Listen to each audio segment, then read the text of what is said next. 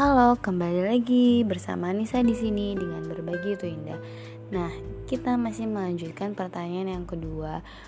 Kalau misalkan mau lanjut, itu lebih baik D3 atau S1. Ini kita lagi membicarakan kebidanan ya. Perbedaannya apa sih lanjut D4 di Universitas Negeri sama di Poltekkes?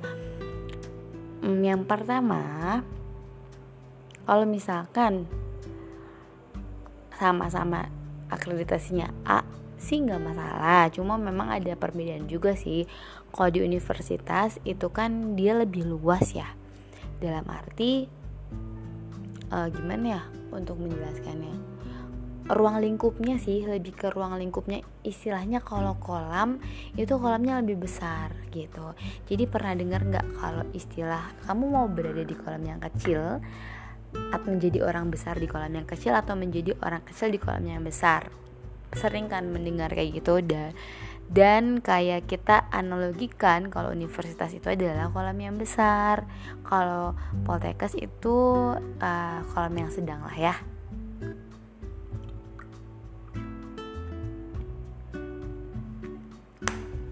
Jadi untuk ruang lingkupnya atau lingkungannya memang di universitas itu lebih luas. Karena kan dia terdiri dari beberapa fakultas kan apalagi universitas yang bagus gitu. Dan ketika banyak fakultas otomatis itu beragam banget kegiatan mahasiswa. Itu bagus banget sih untuk eksplorasi diri sebenarnya. Apalagi kalau universitas yang terbaik gitu ya yang bagus. Uh, itu bagus banget untuk eksplorasi diri untuk pengembangan diri. Karena kita bisa bertemu dari, dengan uh, dengan orang yang beda fakultas beda otomatis beda jurusan gitu. Dan itu uh, banyak banget di universitas itu banyak banget organisasi mahasiswa mau dirimu berkecimpung di mana gitu UKM dan lain sebagainya itu bisa banget gitu untuk pengembangan diri dan kegiatan-kegiatannya pun sangat bervariatif. Kayak gitu pertimbangannya apalagi enaknya kan ya namanya beda-beda jurusan itu beda fakultas itu kayak uh, found uh, find a new things gitu sih. Kan kalau misalkan di Poltekkes biasanya ya jurusannya jurusan yang kesehatan juga gitu. Kesehatan lingkungan gizi keperawatan analis kesehatan. Jadi kolomnya tuh kecil gitu hanya seputar situ-situ aja maksudnya kesehatan saja terbatas pada kesehatan. Jadi untuk kayak bertukar insight atau uh, kegiatannya itu tidak sangat bervariatif. Kalau misalkan di universitas kan karena concern setiap jurusan dan fakultas itu beda-beda otomatis kayak proker-proker atau program kerja setiap organisasi pun beda-beda dengan fokus yang berbeda-beda pula gitu. Jadi di situ lebih eksplorasinya tuh dapet kayak gitu cuma kalau itu ya kalau yang sama-sama akreditasinya A ya karena akreditasi itu sangat uh, penting lah. Kenapa sih gitu kan dia penting? Ya yang uh, sebelumnya di podcast yang kenapa lanjut kuliah itu dibahas kalau akreditasi kan menentukan mutu suatu jurusan atau institusi gitu. Jadi kan kayak gini aja sih uh, organisasi kita punya visi dan misi dan visi dan misi itu kan dituang uh, visi itu dituangkan dalam misi dan itu dibentuk gitu kayak kayak mau membentuk sesuatu kayak misalkan BII Bidang Inisiator Indonesia. Sebenarnya aku nggak hafal sih visinya apa cuma intinya tuh kayak membentuk uh, karakter bidan yang tangguh dan juga berjiwa sosiopreneur kayak gitu. Karena untuk kata tangguh itu kan uh, sebenarnya kita punya uh, Stanfordnya gitu kepanjangan dari tangguh itu. Ada beberapa karakter di situ. Tapi intinya kita kita berfokus pada karakter. Nah ketika mau mengembangkan karakter apa aja sih yang kegiatan yang kita lakuin? Itu kan tertuang dalam tindakan kan gitu. Visi misi. Begitu juga dengan universitas atau organisasi. Misalkan ada organisasi yang dia uh, islami gitu. Otomatis kan menilaikan menanamkan nilai-nilai keislaman dalam setiap mungkin kegiatannya atau mata kuliahnya kayak gitu. Jadi uh, seperti itu. Ini sedikit belibet nggak ya ngejelasinnya? Kemudian pertanyaan selanjutnya. Kalau untuk ekstensi ke UNS sendiri masuknya lewat jalur mandiri. Iya.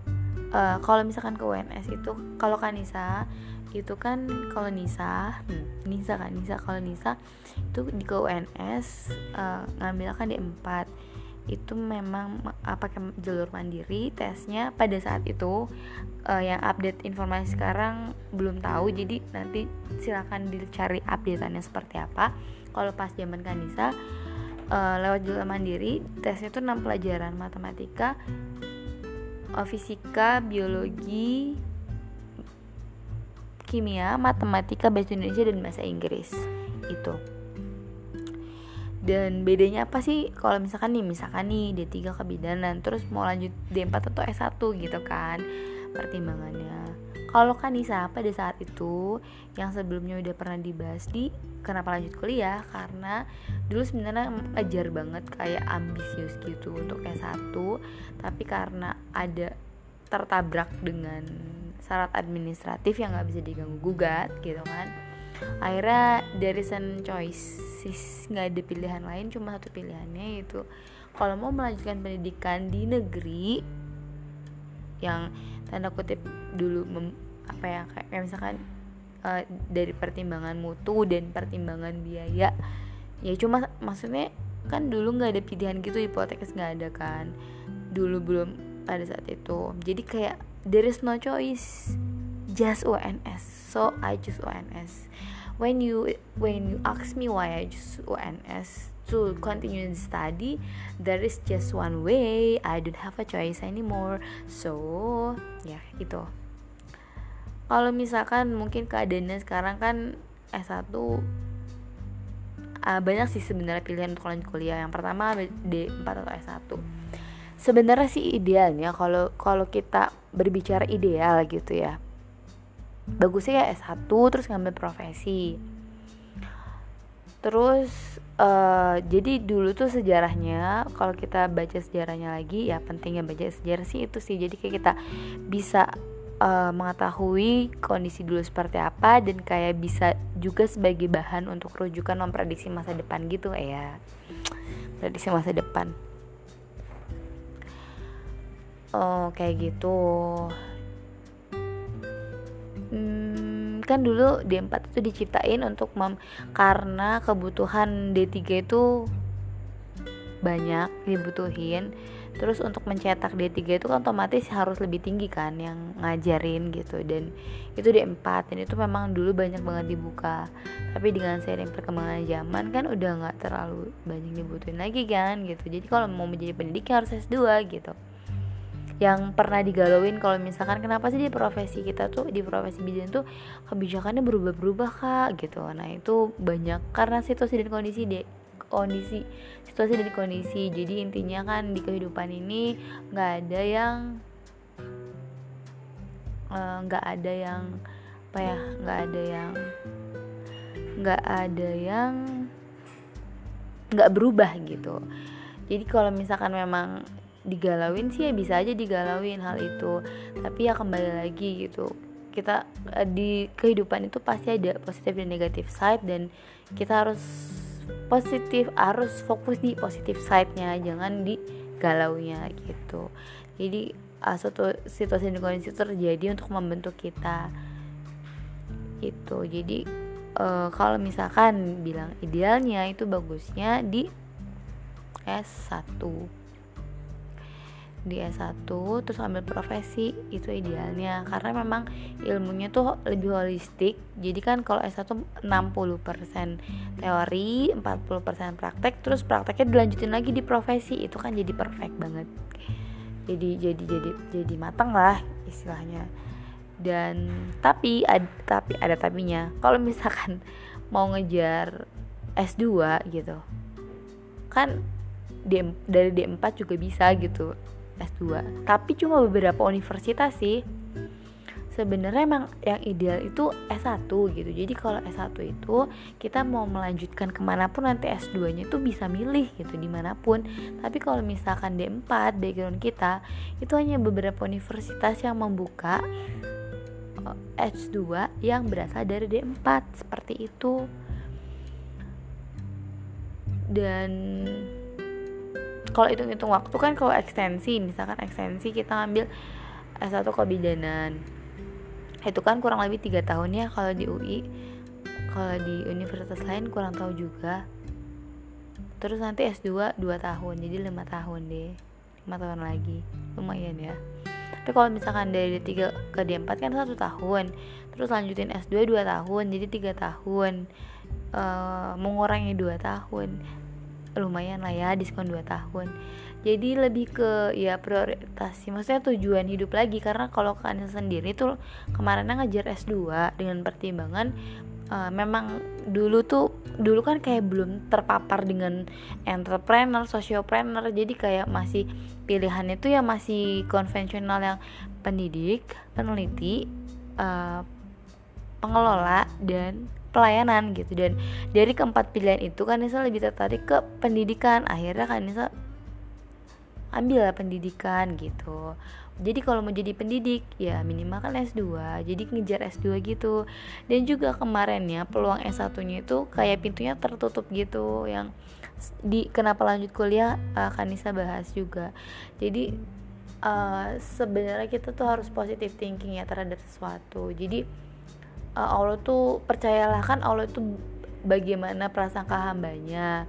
Dan ya udah kita harus berprasangka baik biar memang biar biar biar seperti itu gitu. Biar kan sesuai dengan prasangka hambanya. Kalau prasangka hambanya berprasangka baik ya baik terus gitu jalan hidupnya insya Allah. Semoga amin. Seperti itu. Jadi tuh uh, mungkin kan saat tipe orang dulu tuh yang ambisius seperti itu yang mau batas mau ideal gitu. Aku mau S1 di UNER gitu-gitu. Karena dulu kan yang dibuka baru UNER ya. Dulu tuh Kanisa lulus D3 2013 dan oh itu benar-benar sih perjuangannya gitu mulai dari saya kerja terus kayak belajar karena benar-benar pengen banget lanjut kuliah uh, mau ini mau bekerja di bidang yang dicin yang kita sukai. Itu sih motivasinya. Dan kayak pengen ekspor diri gitu-gitu. Yang sebelumnya juga udah dijelaskan panjang lebar di podcast sebelumnya tentang kenapa lanjut kuliah.